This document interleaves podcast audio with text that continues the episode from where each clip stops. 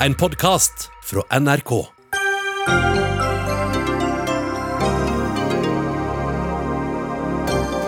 Det blir mer konkurranse i lufta. I dag ble et nytt norsk flyselskap lansert.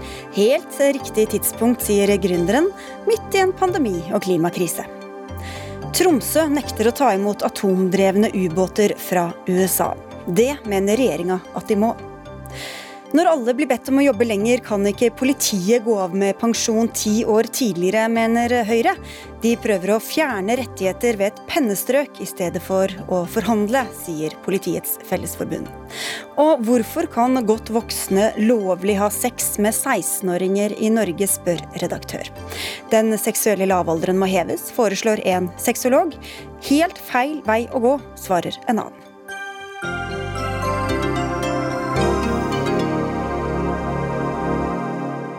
Dette er Dagsnytt 18. Jeg heter Sigrid Solund. Koronakrisa gjør at flyene står, klimakrisa tilsier at vi skal fly mindre. Samtidig kommer det altså to nye flyselskaper til Norge. Det ungarske lavprisselskapet Wizz Air skal ta opp konkurransen med Norwegian og SAS, på sentrale innenriksruter allerede fra neste måned. Og et nytt norsk selskap så dagens lys i dag. Det skal være operativt neste år, og stiftes av deg, Erik Bråten. Velkommen. Tusen takk. Du er altså næringslivsleder, investor, leder i Norsk Luftfart gjennom mer enn 30 år, bl.a. som administrerende direktør i flyselskapet Bråtens på slutten av 1980-tallet. Med disse to nevnte krisene hengende over dere, hvorfor er dette riktig tidspunkt for dere? Nei, Vi tror det er et riktig tidspunkt ut ifra at uh, nå finnes det mye billige fly tilgjengelig som vi skal leie. Vi, uh, vi vet at vi, vi har fått tak i veldig mange kompetente mennesker. Og nå kan vi bygge fra bunnen opp en effektiv og moderne lavpris- eller lavkostselskap. Og det er det vi holder på med og skal fortsette med i tiden fremover. Men dere skriver samtidig i en pressemelding at luftfarten har i lang tid vært preget av en usunn volumvekst. Hvor er da logikken i enda flere fly? Nei, Denne gangen så er ambisjonen at vi faktisk vi kommer ikke til å bruke flyene så mye som vi, man normalt har gjort. Vi kommer til å dimensjonere dette mye mer ut ifra en optimal utnyttelse av, av, de som skal fly flyene, de menneskene, de crewet. Så vi er fullt innforstått med at vi kommer til å fly mindre i tiden fremover, men allikevel det er rom for en aktør som vår, mener vi, som skal tilegne oss dette på en litt annen måte. Hva, hva ligger i det? Hvordan skal dere operere? Nei, det vil si at Istedenfor at du flyr fra tidlig morgen fra seks om morgenen til elleve på kvelden, så begynner vi kanskje på syv og flyr til ti, så, og vi har kanskje litt, eh, litt rom midt på dagen. Så vi kommer til å fly på de tidspunkter hvor eh, passasjerene har genuint behov for å fly, og ikke fly hele tiden og måtte jage etter nye passasjerer til stadig lavere priser. Altså, hva, hvilket sjikt skal dere da legge dere i? Hvem er det dere først og fremst konkurrerer med? Nei, Vi kommer jo til å konkurrere med de andre aktørene i markedet. Eh, så det er eh, alle som skal ut og reise, enten i ferie og fritid eller, eller, forretninger, som vi vil konkurrere med. Men du sier lavprisselskap? Lav, vi kommer til å være et lavkostselskap. Lav kost, men høy pris? Nei, men først må du ha en lav kost for å kunne gi en, en, en attraktiv pris. Og vi sier at vi skal være konkurransedyktige på pris. Eh, vi klarer ikke å være altså sånn som du nevnte Wizz Air, som legger ut priser til 199 kroner. Det dekker ikke avgiften engang, så det er jo ikke bærekraftig. Og disse ansatte, hvor henter dere dem fra? De skal, de kommer fra De skal ha sitt eh, bo i Norge og ha norske kollektivavtaler. Men ikke, ikke primært nordmenn som dere skal ansette? Nei, altså vi, det kan godt være at det er utlendinger som, som jobber i Norge, men er, de, skal ha, de, skal bosettes i Norge, og de skal ha norske, norske, kollektivavtaler. Hva trenger dere da for at dette skal opp og stå? Ja, Vi trenger kapital, og vi tror at det er viktig at et sånt selskap er godt kapitalisert. Så i tillegg til privat kapital, så har vi også eh, gjort en henvendelse til Næringsdepartementet for å, for, å, for å, forhøre oss om det er mulig å få da noen statlig kapital også til dette. Ja. Lånekapital lånekapital og sånt. Ja, hvorfor skal staten inn og sponse dere, egentlig? Det er fordi vi tror det er en veldig unik situasjon nå med hele korona, hvor veldig mye av industrien ligger nede. Og skal vi sikre norsk luftfart i fremtiden, så tror jeg vi må investere litt i den for at vi skal sørge for at vi har selskaper som stort sett eh, betjener Eh, det norske markedet, innenlandsmarkedet, som er et viktig, viktig marked. Og så skal vi fly noe også ut av Norge. Men staten har jo allerede gitt en del penger, ganske mye penger, for mye penger, mener noen, til flyfarten. Hvor, hvor, hvorfor skal de gi enda mer til, fordi start, dere er kommet på plass? Vi starter jo med helt blanke ark, så vi har jo da ingen, vi har jo ingen gjeld, ingen forpliktelser. Så vi starter jo med selskapet eh, hvor vi kan bygge det ganske effektivt og rimelig. Men ligger det i, tenker dere på at dere vil søke ut fra noen av de støtteordningene som er eh, kommet i, regi, eh, altså i anledning koronakrisa, eller hva slags ordninger ja, det, det er det? laget generelle ordninger som man kan eller som, som, man kan da søke på. Og vi har henvendt oss til, til eh, myndighetene på å se om vi kan ta del i noe av disse. Ja. Og hvis dere ikke får statlige midler, da? Ja, Da er det selvfølgelig en utfordring. Fordi, men, vi, men, det ligger til grunn for at uh, vi skal lykkes med dette, er at vi får en kombinasjon av privatinvestorer og statlig. Og så uten statlig så blir det ikke noe? Ja, Det sier du, men uh, Nei, jeg spør. Nei, vi tror at det er viktig at vi får en kombinasjon her. Mm, og hvis Norwegian overlever, kan dere også da komme på vingene? Vi har jo I utgangspunktet så har vi sagt at vi skal være den tredje aktør. Eh, og så har det kommet en tredje aktør i dag. Så det er klart at det blir et, et eh, krevende marked. Det er det ingen tvil om. Og så, som jeg også var inne på, å fly er noe av det mest klimabelastende enkeltmennesker kan gjøre. Hvor forsvarlig er det da å starte et nytt flyselskap i denne situasjonen? Nei, men vi, altså, vi kommer jo også ikke uten fly. Det er mulig at vi skal fly mindre. Og jeg tror at uh, vi har lært gjennom denne pandemien at man kan arbeide på andre måter, slik at en del flyreiser blir borte. Men vi lever i et veldig langstrakt land. Uh, hvor, hvor, hvor uh, bil og, og, tog er alternativ noen steder, men ikke alle. Så vi kommer fortsatt til å fly. Det ble litt harselas rundt et bilde av gründerne deres i dag. Det viste seks hvite menn i dress. Hvor ja. mangfoldig vil du si at dere er? Nei, eh, jeg har full forståelse for at det ser rart ut, at vi er bare menn. Det er sånn at det er ikke så veldig mange kvinner i denne bransjen, og vi har vært veldig opptatt av å finne de riktige menneskene, men eh, vi skal, jobbe, vi skal jobbe, for at det, blir også kvinner. Men ut fra det bildet så ble det litt tull med at dere kunne hete Dressmann, men det er ikke det som blir navnet på flyselskapet? Det kan jo være at vi får betalt nå. At, uh, ny ny sponsor er eh, på, på trappene. Skal ikke se bort fra det. Takk skal du ha for at du tok turen, Erik Bråten. Da skal vi slippe inn andre politikere og andre her. Er det grunnlag for enda et nytt norsk flyselskap nå i disse tider? Øystein Søreide, administrerende direktør i Abelia. Det er altså NHOs landsforening for kunnskaps- og teknologibedrifter. Dere har tatt til orde for bl.a. at offentlig sektor bør kutte sine flyreiser, og at norsk arbeidsliv må inn i en grønnere, mer digital hverdag. Hvilke konsekvenser har de nyhetene vi har sett i dag, eller bør de få for luftfarten totalt sett? Vi har ikke noe mening om hvor mange flyselskap som flyr i Norge det er bra med konkurranse. Jeg sitter i Næringslivets hus, så, så dette er vi, vi, for.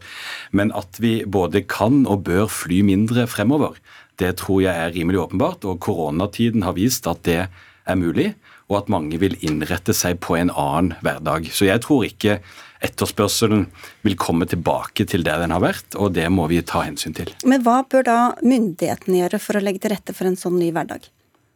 For at vi skal fly mindre.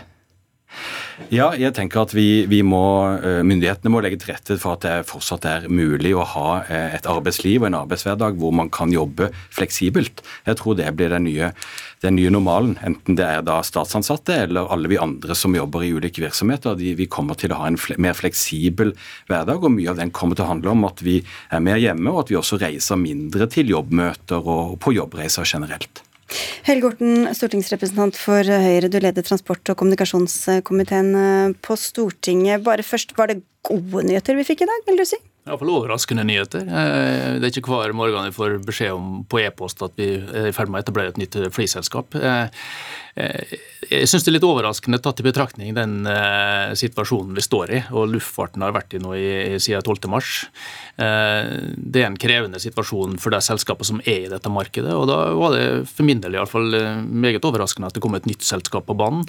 Men det er det sånn at for min del så er jeg, ikke, jeg har ikke noe imot at det er konkurranse i luftfarten. Tvert imot. Jeg synes det er bra at vi har flere selskap som kan konkurrere om, uh, i, i, norsk luftfart. Sørge for at uh, kundene får et godt tilbud, lavest mulig pris osv. Så, så, så, så for, norske, for, norske, reisende så er dette her bra. Men, men uh, ut fra det da Søreide sier, at at vi må fly mindre, at staten også bør sørge for at vi flyr mindre. Er du enig i det? Vil dere etterfølge de Jeg tror det vil komme, av, ikke av seg sjøl, men av, av fremover. fordi vi ser Ikke av seg sjøl, altså ikke fra politisk hold? Jo, jo, men altså, jeg tror ikke, jeg tror, ikke, jeg tror, jeg tror både vi som politikere og, og, staten og det offentlige og private vil fly mindre fremover, rett og slett fordi vi har vent oss til å bruke digitale verktøy på en helt annen måte enn før. Og Det gjør jo at, at vil, reisebehovet vil gå noe ned. og det, det, Derfor så jeg tenker jeg at jeg er veldig sånn usikker på hvordan luft, markedet i luftfarten vil, i innenriks i Norge vil utvikle seg. rett og slett fordi vi ser at vanene til folk vil endre seg, og ikke minst bedriftenes innretning til dette. her. Dette går til av seg selv, hører vi her. Søren. Jeg tenker at det offentlige, staten, bør sette noen klare mål på at flyvning faktisk skal gå ned. Vi skal fly mindre. Dette har man fått til i Sverige. Over noen få år har man redusert eh, dette med 25% Vi var tidlig ute og sa eh, at det bør vi få til i Norge. Det sa vi før korona. Koronatiden har jo vist at det antagelig var et ganske moderat eh, måltall. Vi kan sannsynligvis fly enda mye mindre enn det. Så er det mye å si om at vi også kommer til å fly fortsatt, og at det er gode sider ved dette, men, men, men det har allerede vært belyst. Ja. Men da må dere sette dere noen mål, da, Orten. Gjør dere det? Ja, altså vi, vi, har ikke satt noen konkrete mål for hvor mye eller for lite vi skal fly, men jeg, jeg tror nå det at eh, når vi ser hvordan både bedrifter, offentlige, hver enkelt av oss innretter seg, så vil vi fly mindre fordi vi har vent oss til å bruke andre verktøy, digitale verktøy okay, osv. Da skal markedet styre, da skal det ikke være noe jo, sånn nei, men altså, Vi kan gjerne sette oss noen målsettinger om det, men altså, poenget er jo at jeg tror vi uansett vil få den utviklinga fordi vi har endra vanene våre og vil endre vanene våre. og Det, det er jo litt interessant da i, i dette her markedet. fordi luftfarten etter korona er ikke nødvendigvis det samme som før korona. og Det utfordres på mange plan innenfor hele diskusjonen omkring norsk luftfart.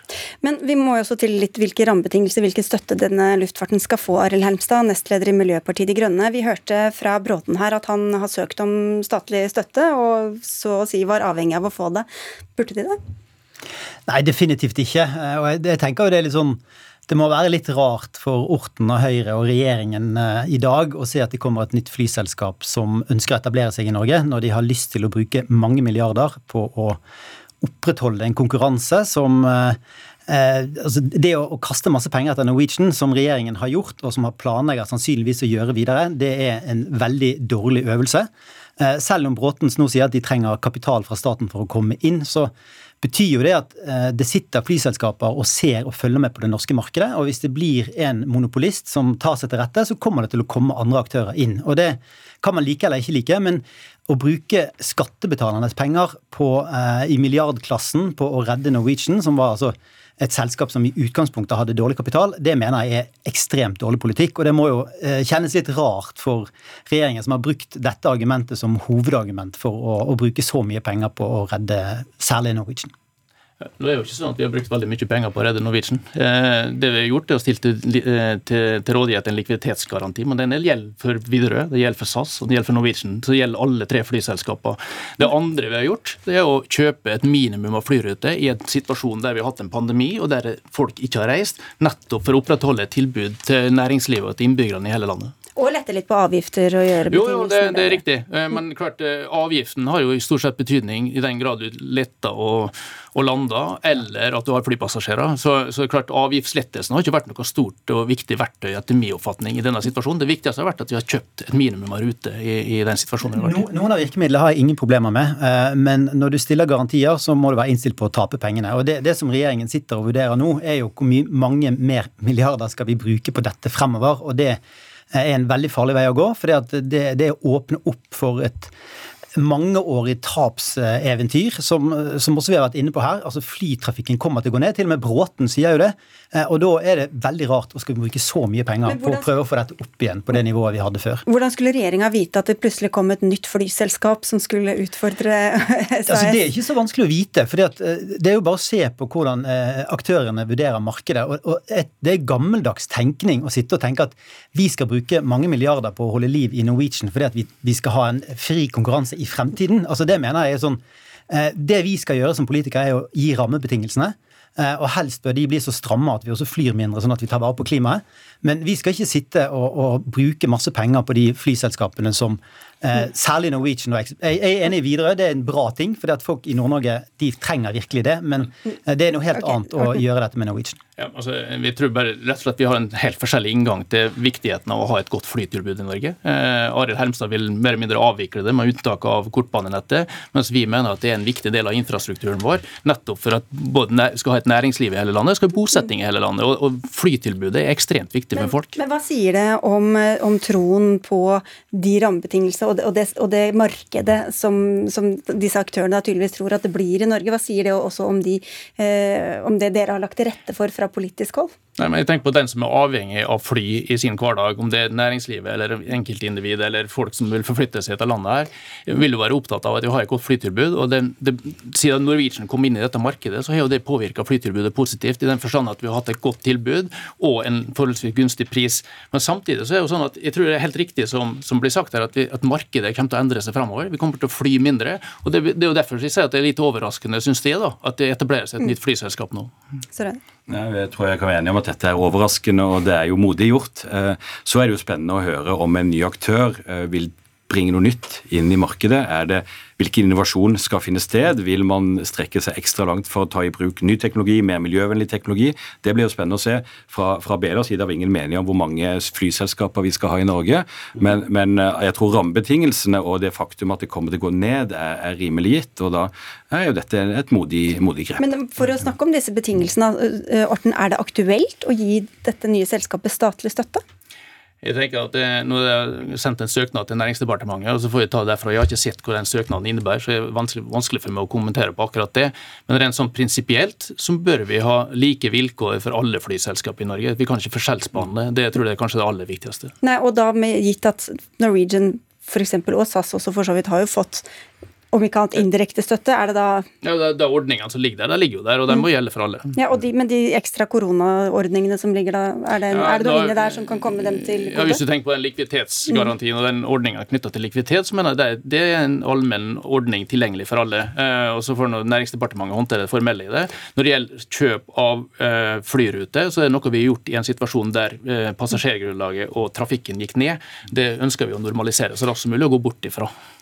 Ja, så, og Konkurranse på like fot er dere vel ikke imot, Helmstad? Hermstad? Nei, Vi er jo ikke imot det, men eh, det å, å, prøve å gjenskape det flymarkedet vi hadde før korona, det er jo eh, stikk i strid med det vi må gjøre for å ta vare på klimaet. Og de anstrengelsene som gjøres politisk for at vi skal fly mer, det mener jeg det må opphøre. Det, det er rett og slett meningsløst. Vi skal ikke avvikle flytrafikken, men vi skal jo gjøre den bærekraftig. Og det betyr at vi må belage oss på at vi skal fly mindre i fremtiden. Jeg tror vi sier eh, setter strek der, for vi har nemlig enda to til som skal komme og snakke. Vi nevner også at vi inviterte samferdselsminister Knut Arild Hareide og Norwegian-gründer Bjørn Kjos til oss, men de enten kunne ikke eller ville ikke komme til oss i dag. Men vi sier jo tusen takk til dere tre som eh, tok turen. Og så skal vi gå fra aktøren og politikerne til analytikerne og kommentatorene. Da skal vi se om vi får sprayet bordet her først, til alle som uh, lytter til oss på radio. Vet ikke hvor flinke vi er med desinfisering mellom alle gjestene her, men vi holder på og vasker og spruter og sprayer. Espen Andersen, førsteamanuensis ved Institutt for strategi og logistikk ved Handelshøyskolen BI i Oslo. Det var mange overraskede fjes rundt bordet her i stad. Ble du like overrasket? Ja, jeg ble overrasket. Jeg fikk en telefon i dag tidlig om dette, og uh ja, eh, jeg ble jo litt overrasket fordi at eh, jeg tror det var Richard Branson en gang som sa at skal du skape deg en liten formue i flybransjen, så bør du starte med en stor en. Eh, og det å starte på dette tidspunktet her sånn er kreativt, i hvert fall. Det skal jeg si. Den strategien som han tegnet litt for oss her, Bråten, hva vil du si om den? Unnskyld, hvilken strategi? Å fly midt på dagen og ikke binde seg til eh, reiser på morgen og kveld og legge seg Skulle konkurrere med lav kost og ja. Altså, jeg syns ikke det var en strategi, fordi et strategi innebærer valg, og det der høres ikke ut som noe jeg skjønner sånn rent operasjonelt. Det jeg kan si, er at den minner litt om Norwegian-strategien da de startet. Da konkurrerte Norwegian mot et SAS som stort sett ønsket å fly via Fornebu eller via Kastrup. Eh, da var det en hel del ruter hvor hvis du hadde billige fly, du kunne fly fordi SAS ikke ville fly der. Så da fløy SAS ikke dit kundene ville, men dit der organisasjonen ville. Det er ikke situasjonen nå, altså. Både Norwegian og SAS de flyr eh, dit kundene vil. Jeg tror det er vanskelig å finne nisjer i det norske flymarkedet som er dekket. Det det imidlertid er et tegn på, er at det norske flymarkedet er svært attraktivt. Og Cecilie Langenbecker, økonomikommentator i NRK, er det plass til alle disse flyselskapene vi allerede har, og så to til i tillegg? Ja, Det er jo et godt eh, spørsmål. Det blir jo nå fem eh, altså Hvis dette flyselskapet kommer på vingene og man får etablert det, og vi får Wizz Air inn nå, så har vi da til sammen fem eh, flyselskaper. Og det er jo, som Anders er inne på her, et tegn på at det er et attraktivt marked. Nå har jo disse tre flyselskapene levd ganske godt av det norske innenriksmarkedet frem til korona. Så her ser man jo da åpenbart mulighet til å tjene eh, penger i, det norske markedet etter korona. Så er det jo sånn at, eh, som Andersson sa inne på, at er, vi er jo et av de få landene som, som, fortsatt flyr en del. Vi flyr mer relativt eh, enn andre land, og vi har jo også kommet oss bedre gjennom koronakrisen enn andre land. og det kan også være grunnen til at Wizz Air nå kommer inn fra sidelinjen. Men hva med timingen her, dere? Han sa jo at dette var liksom det beste tidspunktet? Er det noe som ikke ble sagt der, som kan forklare hvorfor dette kommer nå? Det er jo litt som når det ser, Erik Bråten har vært inne på det før, når det ser som mørkest ut, det er da man skal slå til. Eh, hvis man treffer bunnen nå, så mener jo eh, en del analytikere at det kan være en perfekt timing. Man kan leie inn billigfly, det er lett å få tak i ansatte. Og så har jo i hvert fall dette nye Bråtens, hvis vi skal kalle det det, en fordel med at man ikke har en stor koffert med gjeld med seg. Man har ikke masse gamle avtaler, eh, som man ikke kom, gamle og dyre avtaler som man ikke kommer seg ut av. Så Sånn sett så kommer de til å ha eh, lavere kostnader og kan jo bli en, en levedyktig konkurrent dersom man da får kapitalisert det opp og, og får det da på vingene. Hva tror du, Andersen? Vel, jeg tror ikke, eller jeg vet at Erik Bråten hadde ikke planlagt for at Wizz Air skulle annonsere sin inntreden i markedet samme dag som han annonserer et. Var det helt tilfeldig, eller hvordan kan det eh, ha seg? Det var nok tilfeldig, ja. Eh, og det er klart, altså Wizz Air tror de skal komme inn og fly billig uten å forholde seg til norsk arbeidsmiljølov. Det tror jeg de ikke kommer til å klare, men det kommer til å ta litt tid før den reaksjonen kommer. Kanskje de gambler på det.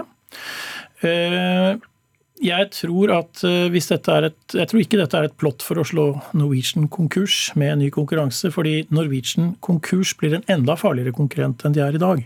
Da snur de seg rundt og gjenoppstår som et selskap med samme kostnadsstruktur og også tilgang til kapital. Jeg er litt forundret over at selskapet til Erik Bråten ikke allerede er kapitalisert opp. Eh, det ville jeg faktisk forventet når man annonserer nå. Eh, og Om de får kapital eller ikke, det skal bli spennende å se. Men eh, flybransjen er verdens tøffeste bransje å konkurrere i, så det er vågalt. Og denne søknaden sendt inn til departementet, da, hva tror du blir svaret på den? Ja, Det får være opp til departementet å vurdere, men jeg syns ikke man skal starte et operativt selskap basert på støtteordninger fra det offentlige. Hva med oss uh, forbrukere, Langenbecker? Er, er det vi som tjener på dette, eller? Ja, Sett fra, i kroner og øre, ja. Eh, vi får jo da tilgang til flere billetter. Eh, billige billetter, eh, kanskje flere destinasjoner. Men, men, flere valgmuligheter, helt klart.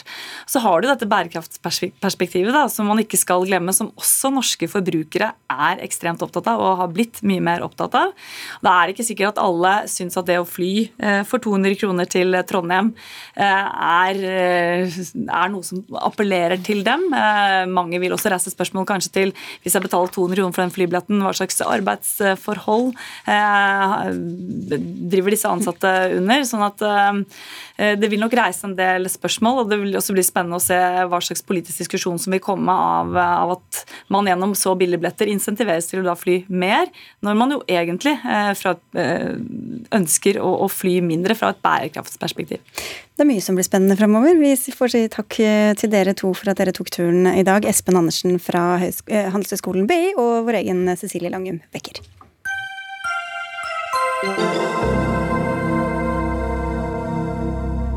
Og om en 20 minutters tid her i Dagsnytt 18 skal vi diskutere den seksuelle lavalder, men nå skal det handle om storpolitikk. For i Tromsø kommune er under sterkt press, altså kommunen er under sterkt press både fra regjeringa og fra USA. Grunnen? De vil ikke ta imot amerikanske atomdrevne ubåter i den kommunale havna. Tidligere hadde krigsskipene basen Olavsvern utenfor Tromsø, men den ble solgt til private i 2013 til bl.a. Tromsøs nåværende ordfører, faktisk. Nå ønsker den amerikanske marinen en base på Tønsnes rett utenfor Tromsø, der de kan bytte mannskap for ubåter som opererer i Barentshavet. Det skriver Klassekampen og Forsvarets forum. Men en sånn ubåthavn vil ikke dere ha i Tromsø, og hvorfor ikke Jens Ingvald Olsen, kommunestyrerepresentant for Rødt der? Det har jo pågått i flere år nå. Den første henvendelsen kom vel i 2016, våren 2016. Men så kom en formell henvendelse fra Forsvarets uh, operative hovedkvarter uh, til Tromsø kommune om å utrede Tønsnes uh, havn, eller Grøtsund industrihavn, som er det offisielle navnet. Om det var mulig å bruke den til logistikkbase for atomdrevne ubåter. Og Den utredninga behandla vi jo i, i mars i 2016.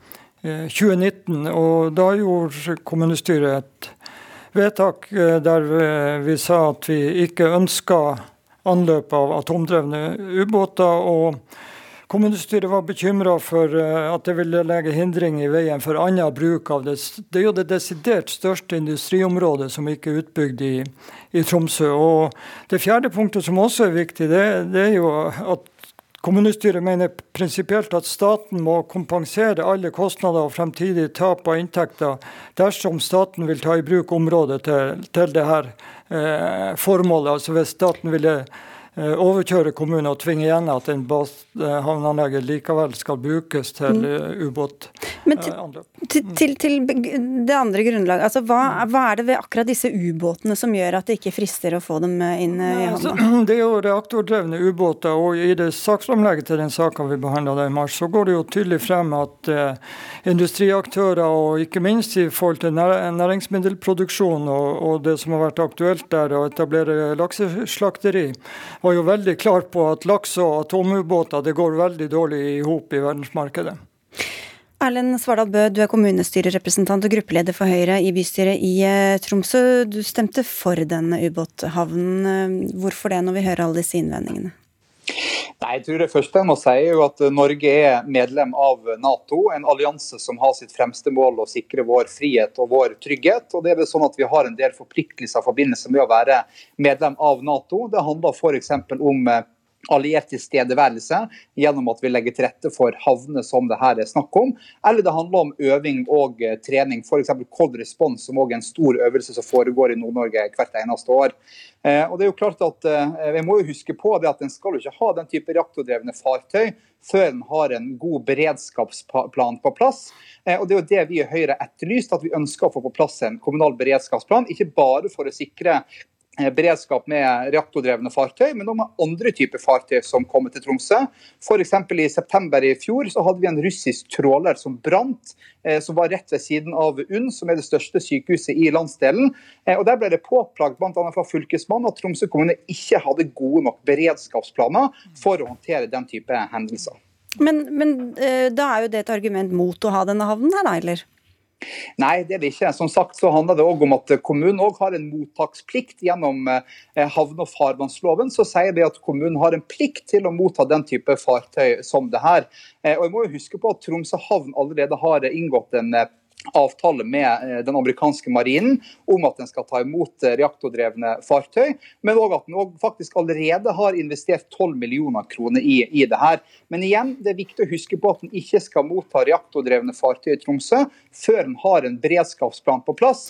Eh, og Er det noen som er god på beredskap og sikkerhet i Norge, ja, så må jo det være Forsvaret. Vi skal få en forsvarsminister, men du skal få svare først på dette, Olsen. Hvorfor ikke, er, Hvis dere får bedre beredskap, da, er du da for å ta imot disse ubåtene? Tromsø er jo et eh, sivilsamfunn, og Nord-Norges største sykehus, universitetssykehus i Tromsø UNN, ligger jo noen få kilometer i luftlinje fra det her området. Og, og blir det satt ut av spill, så setter det jo også hele befolkninga i stor risiko. Det er jo eh, heller ikke sånn at en sivil by i Norge Eh, vil ha beredskapsplaner klar for å ta imot atomreaktordrevne eh, undervannsbåter, og hvor de muligens har atomvåpen om bord. Det får vi jo ikke vite. Og, jeg vil jo bare gjøre oppmerksom på at det, det ikke finnes noen skriftlige eh, avtaler mellom Tromsø havn og US Navy, men det kommer vi kanskje til, tilbake til. Men, men, det er jo helt, helt uforsvarlig å, å legge opp til at uh, sivilsamfunnet i Tromsø da skal bli uh, nærmest et bombemål for eventuelt fiendtlige mm. angrep mot denne uh, ubåtbasen. Vi plukker opp den nå med en gang, Frank Bakke-Jensen, forsvarsminister. Som din partikollega i Tromsø var inne på, kan de si nei?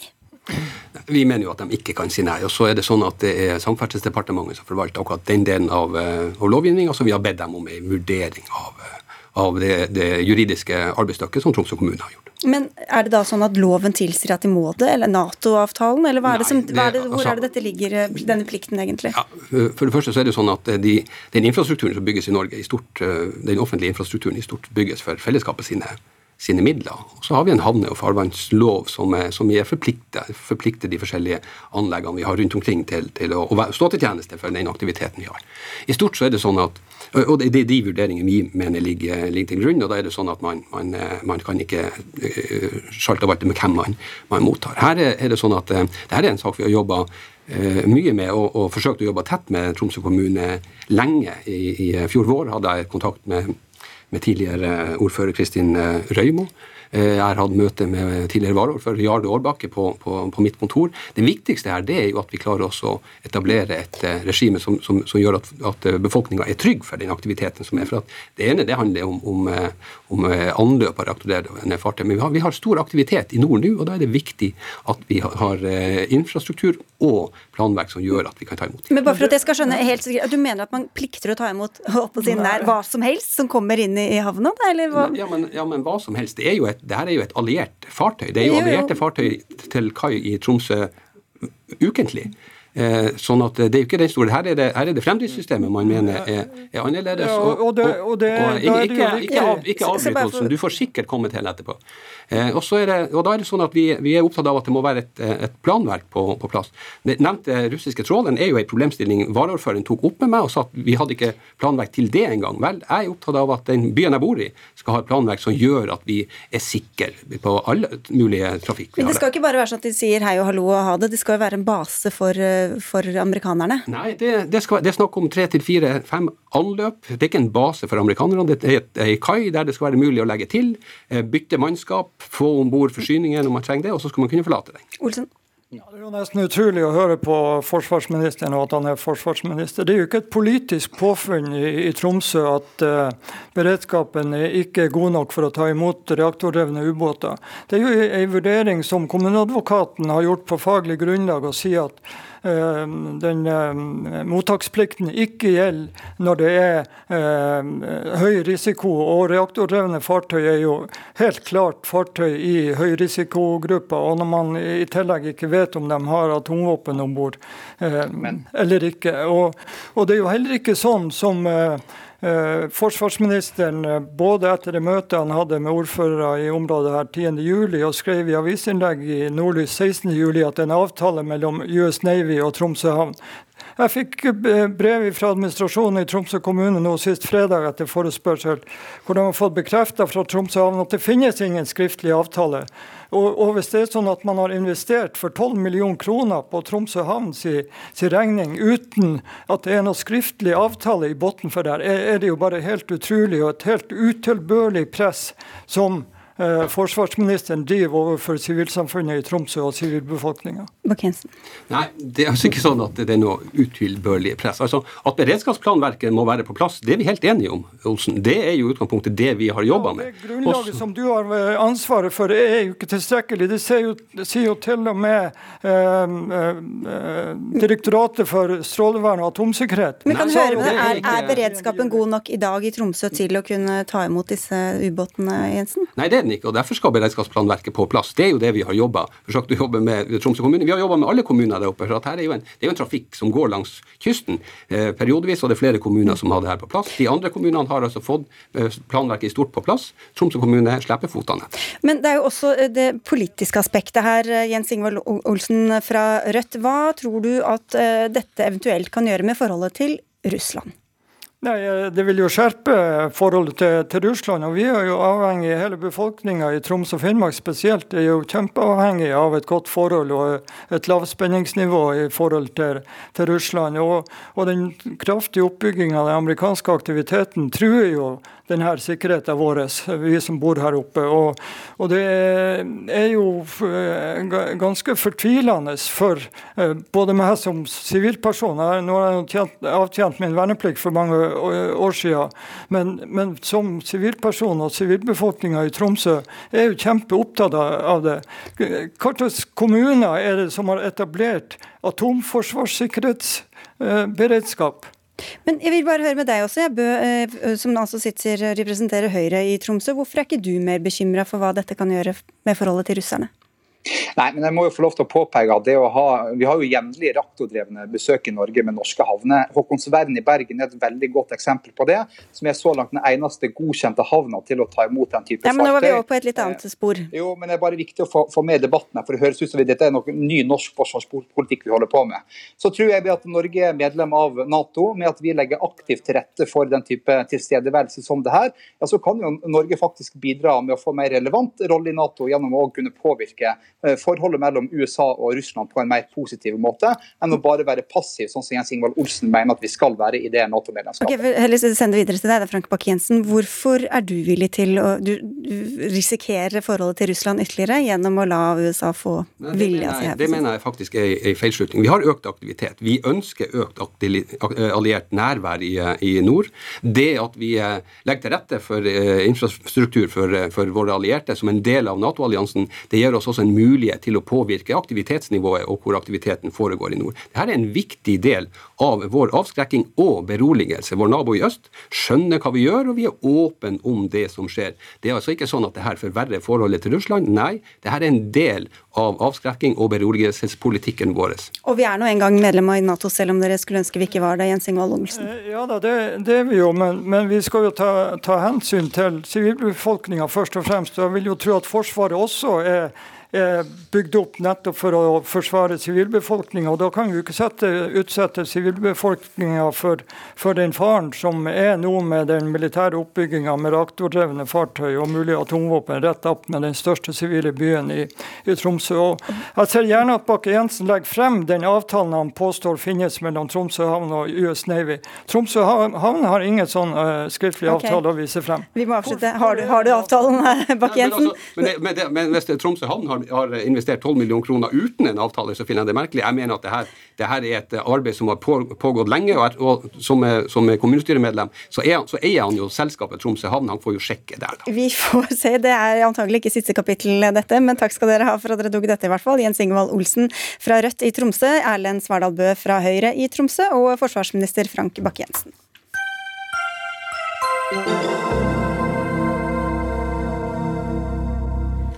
Høyre vil fjerne særaldersgrensa for offentlig ansatte som kan gå av med pensjon tidligere enn andre. I dag har ansatte i politiet og brannvesenet plikt til å fratra, fratre stillingen når de blir 60 år.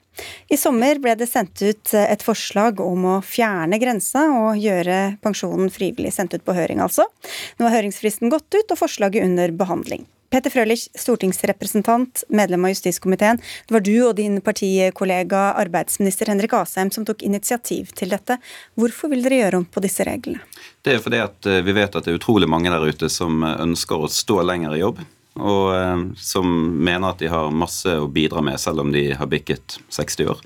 Og Vi mener at vi må få alle mann som vil i arbeid, og derfor ønsker vi å fjerne særaldersgrensene for de som jobber i offentlig sektor.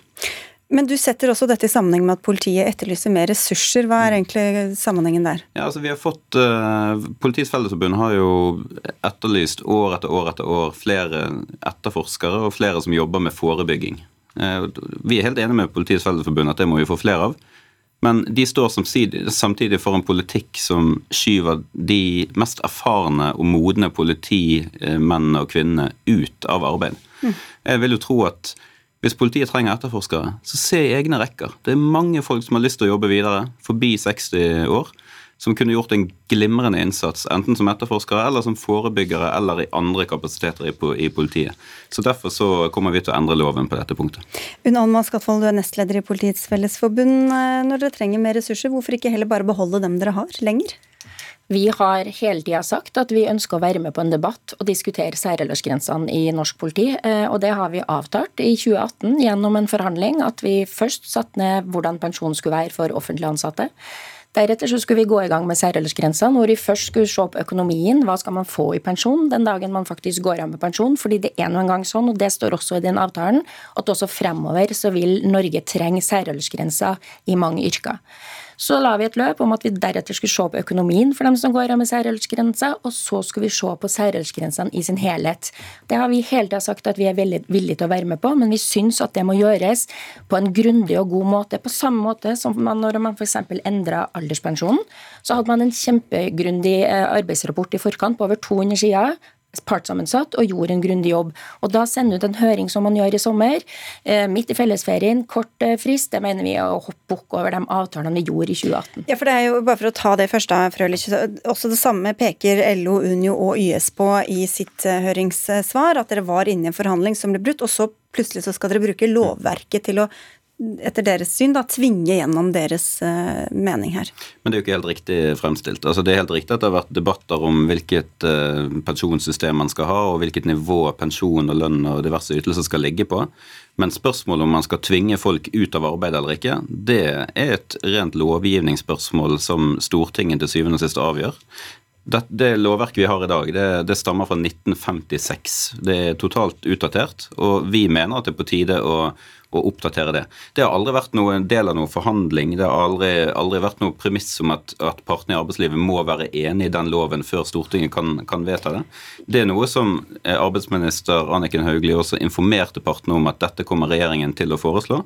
Eh, så jeg mener at det har vært opptrådt helt ryddig og greit rundt det. Men der tar han faktisk feil. for i avtalen fra 2016 helt til slutt, så står, nei, 2018 helt til slutt, så står det faktisk at regjeringa ikke har noen intensjon å gå med et lovendringsforslag uten at det er enighet fra partene om det. Så da bryter han faktisk den avtalen som vi var enige om i 2018, og hele greia han tufter på. Jeg har lyst til å komme også til argumentene for å eventuelt ha en sånn eh, særaldersgrense, eller ikke ha det. Hvorfor er f.eks. politiyrket så spesielt at folk skal kunne gå eller tvinges til å gå gå av med pensjon langt tidligere enn det sykepleiere, rengjøringspersonal, kirurger, andre som også står i krevende yrker, eh, kan Nei. Særaldersgrensen ble satt på 70-tallet. Og Den ble satt for å beskytte samfunnet. Derfor så har vi sagt at vi er enig i at vi må gå inn og se på det igjen, om de er riktig satt, om det skal differensieres, om det er nye grupper som skal inn, andre grupper som skal ut. Så det har vi vært enig i. Men jeg må bare ta én ting som du sa innledningsvis, for du sa at i forhold til etterforskning eh, og ressurser altså Når vi har satt i gang nå et stort etterforskningsløft i norsk politi, så har jo ikke problemet vært at man ikke får folk til å stå etter pensjonsalder som etterforskere. Problemet er at vi får jo ikke folk til å stå fram til pensjonsalder fordi de har så dårlig lønn at de slutter med etterforskning lenge for de hele tatt er aktuelle for å eventuelt stå lenger. Det er det som er utfordringene rundt etterforskning, og som vi har satt fokus på i et løft. Nei, det er ikke riktig. Eh, det som er det store problemet, og som er det paradoksale, det er at modne, erfarne, motiverte, flinke politifolk blir skjøvet ut når de treffer en viss aldersgruppe. Det hadde vært en, en, enorm ressurs for politiet hvis vi hadde klart å få motivert de til å stå lenger. Og jeg vet at de vil det. Og jeg er veldig overrasket over at dere eh, ikke lytter Eh, altså Jeg skal ikke legge meg opp i hvordan dere ivaretar deres medlemmers interesser, og sånt, men vi får så ekstremt mange tilbakemeldinger på at dette er ønsket. Spesielt fra politifolk som begynner å nærme seg denne alderen og føler at de har mye mer å gi. De vil ikke ut og jobbe i private som, eh, som, som privatetterforskere eller i, i sikkerhetsbransjen eller, eller, gå inn i pensjonistenes rekker. De har lyst til å bidra til samfunnet. Hvorfor kan de ikke få lov til det? For meg dette er helt, det, det er helt brudd på logikken. Jeg er litt eh. overraska over at når vi som Politiets Fellesforbund representerer over 80% av de ansatte i norsk politi, så tror jeg vi har mer kontroll på hva de ønsker enn hva du har i din posisjon.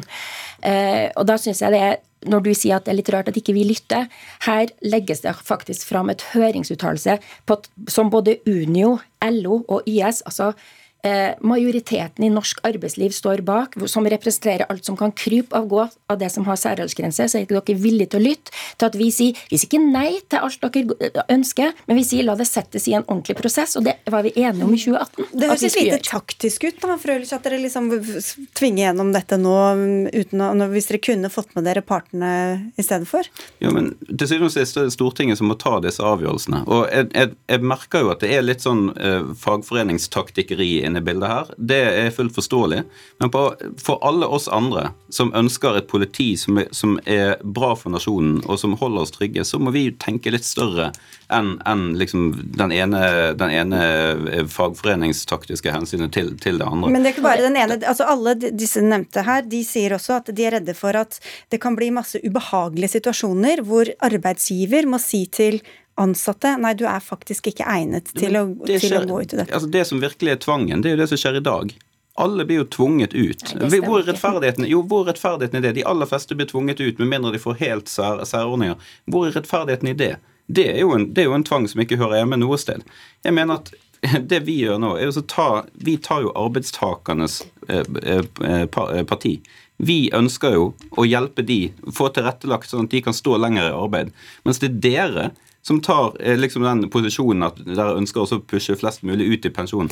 Jeg synes, jeg synes hele logikken er på hodet. Jeg syns det er interessant at det tar et perspektiv om at det er dem som tar arbeidstakerne sitt perspektiv, for det er det absolutt ikke. Det er, ja, som jeg sier, hele, nesten hele arbeiderbevegelsen står bak det her om at vi må ta det på en måte, og da må dere lytte til oss. Jeg syns det er ganske arrogant å ikke gjøre det. Vi vil være med i de prosessene, vi har tenkt å gjøre dem ordentlig og seriøst, og vi vil bidra, og vi har masse å komme med, og jeg syns det er rart hvis dere ikke ønsker å ha oss med på laget på det. Vi får se da, om dere får være med på laget, eller om det blir tvunget gjennom. Takk skal dere i hvert fall for denne runden, Peter Frølich fra Høyre og Unn Alma Skatvold, som er nestleder i Politiets Fellesforbund. Hør Dagsnytt 18 når du vil. Radio NRK Radio.nrk.no.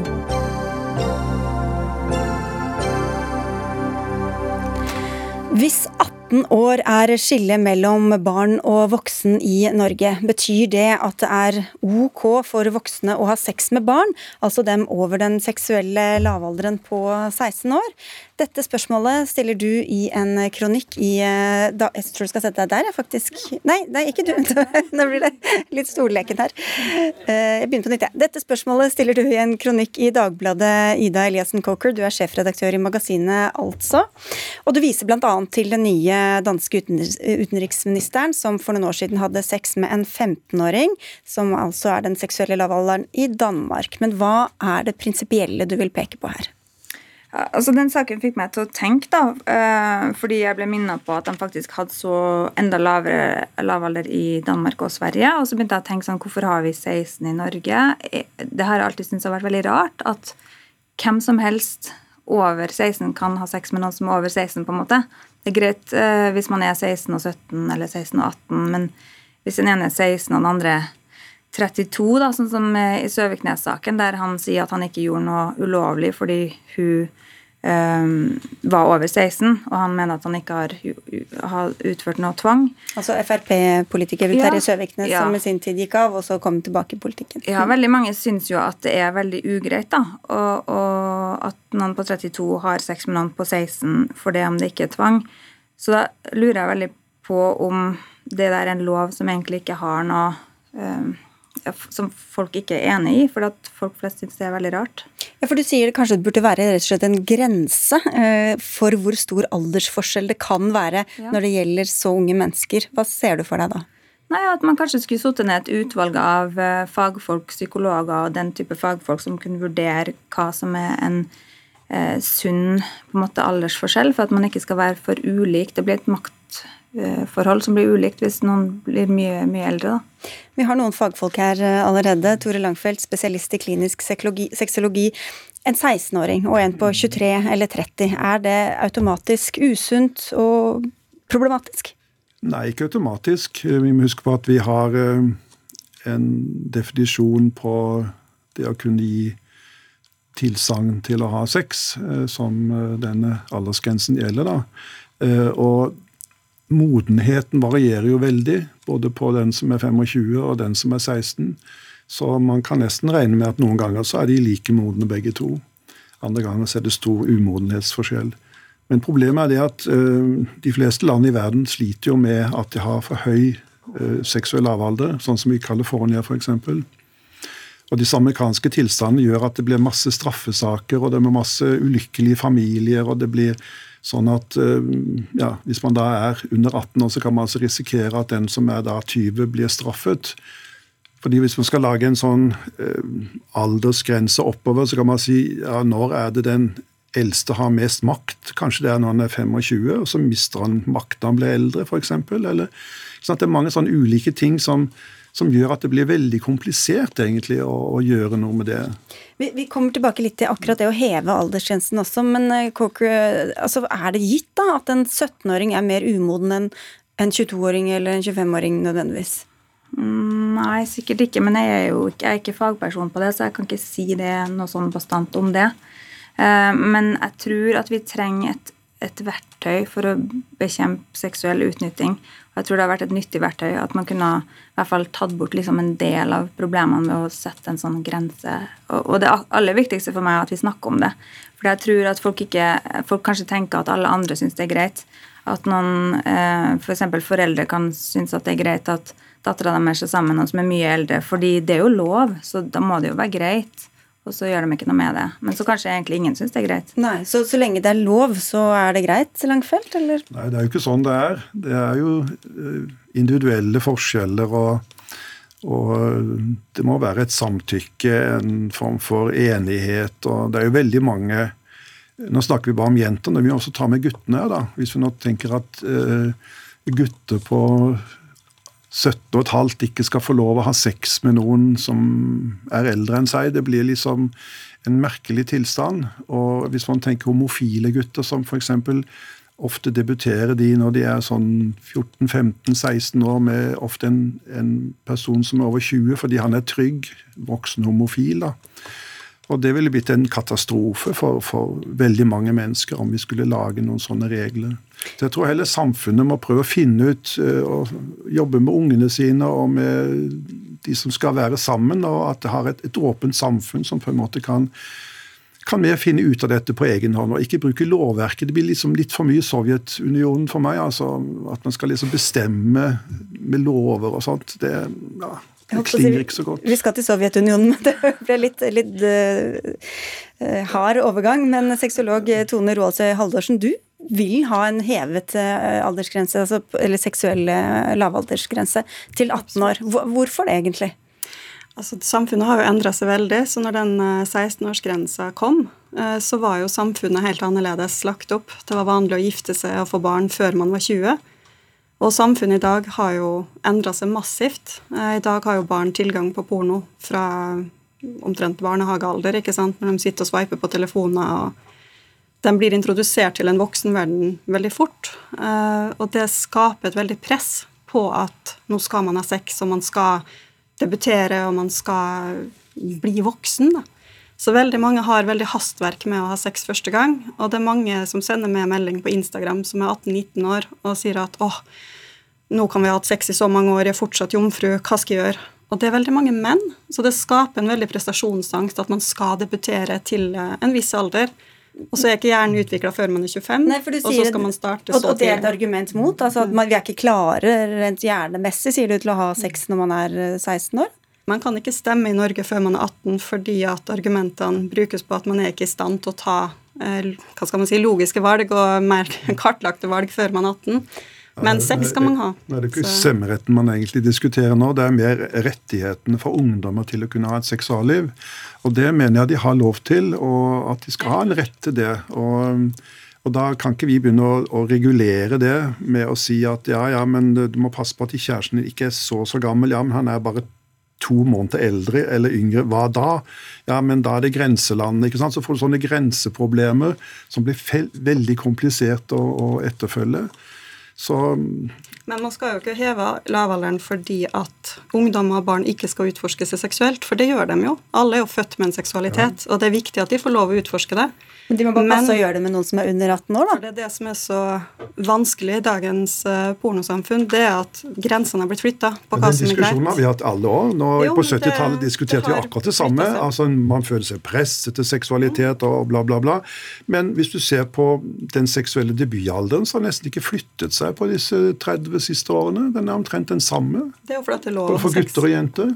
Men det er så mange klienter som har fått ødelagt seksuallivet sitt i voksen alder fordi de debuterte for tidlig. Ja, Det gjelder gutter også.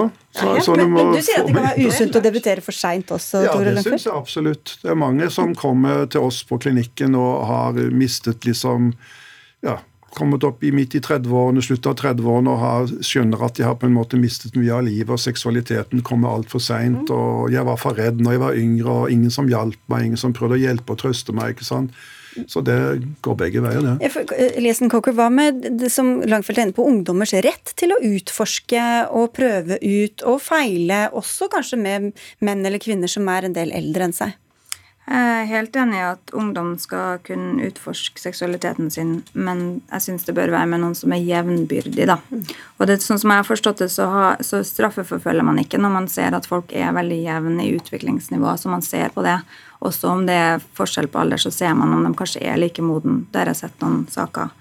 Um, så det, det, er ikke noe som jeg er mot at eh, Eller det er egentlig veldig for at eh, ungdom skal kunne utforske seksualiteten sin sammen med andre. Men, men samfunnet skal fortelle dem hvem de skal få lov å gjøre det ja, med? Ja, faktisk. Vi må passe litt på folk av og til. Det er en beskyttelse for at man ikke skal kunne nødvendigvis trenge å debutere med en 30-åring når man er 16. Langfeld? Nei, altså det er ingen som nødvendigvis skal. Jeg mener, Det er bare ungdommenes rettighet. Og syns jeg det er feil man bruker ordet barn opp til 18 år, så har man glemt hva ungdomsbegrepet betyr. da. Ungdom er også en viktig alder og de skal kunne ha rettigheter til seksualitet. Og jeg kjemper litt for barns rettigheter jeg, til å ha en, en seksualitet. og da må de selv bestemme hvem det vil være. Det kan godt være la oss si en som jeg nevnte til, en homofil gutt på 16 år. Han føler trygghet med en som er 25 eller 10 år eldre. da, Fordi at jevnaldrende homofile gutter de er livsfarlige å sjekke opp, for da kan han risikere å bli banket opp. ikke sant? Så bare den problematikken er jo interessant å se på. Hva, hva ville det føre til hvis vi men, men eh, Haldorsen, du, du, nevnte at du har klienter som har blitt veldig skada av å ha forhold med for stor aldersforskjell. Hva er, det, hva er det ved det som da kan virke så skadelig, mener du? Det er jo at de tror de er klar til noe de egentlig ikke er klar til. Eh, da det gjelder både gutter og jenter. Og så er det det presset med at de skal debutere. Og hvis man da blir 17-18 år og ikke har debutert som 15-16-åring, så skaper det et enormt press på at nå er vi seint ute. Jeg er helt enig med Langfeldt om at vi skal beskytte barns og ungdommers rettigheter til å utvikle seg seksuelt. Og det er jo ikke det vi skal stoppe, fordi at en 14-15-åring, 16-17-åring, de vil uansett utforske og eksperimentere med hverandre.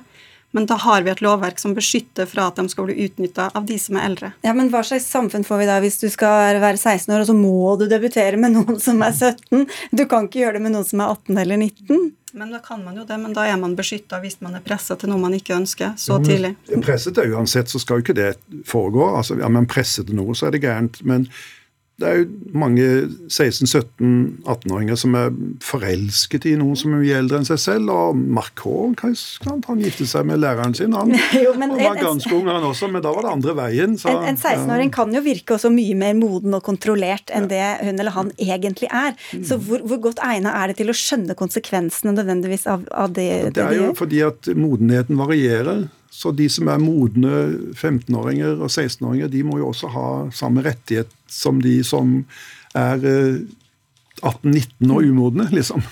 Men det har jo ikke med, så mye med det å gjøre. Men f.eks. Eh, NAF har bestemt at 16-åringer er ikke i stand til å kjøre bil. De kan ikke men de kan ta komme i fengsel, da. Det kan de, de kan i fengsel. De kan komme i fengsel. Men de kan ikke kjøre bil. Ja, men for de, de, er jo lite dårlig i stand til å tenke konsekvenser, langsiktige konsekvenser, ikke sant? For helt til man er 25, visstnok ifølge denne hjerneforskninga. Og derfor så tenker jeg jeg kjemper også for barn sine rettigheter, men til beskyttelse mot overgripere. Jeg tror vi har en gruppe mennesker, mest de fleste av dem er jo menn, men det er jo helt sikkert noen kvinnelige overgripere som er på denne måten. Og som, det mest kjente er jo pedofile, men så har du ei gruppe som, som faktisk liker ungdommer som er i puberteten og litt senere, men som tenner på det at noen er veldig veldig ung. Og Det tror jeg er veldig veldig vanlig, og det tror jeg er et kjempeproblem at vi har en, en stor gruppe av sånne mennesker. Men vi kan også ha seksuelle overgrep blant uh, ungdom. Ja. Og mange opplever det som veldig vanskelig, og mange ungdommer er ganske ville og gærne. Både gutter og jenter. Og kanskje de ville ha det mye bedre hvis de debuterte med en som var noe eldre. Det har jo vært en sånn halvt spøkefull regel at man kan ta alderen, dele den på to og plusse med sju år, og så har man et akseptabel eh, aldersgrense. Jeg vet ikke om det får være løsningen her, men vi får i hvert fall takke for denne runden alle tre. Ida Eliassen Coker, sjefredaktør i magasinet Altså, til Tore Langfeldt, spesialist i klinisk sexologi, og Tone Haldorsen, som er også sexolog. Og det var det vi hadde i dagens Dagsnytt 18. Det var Anne Katrine Førli som hadde ansvaret for innholdet i den. Teknisk ansvarlig var Eli Kyrkjebø. Mitt navn er Sigrid Solund, og i morgen er Espen Aas her tilbake.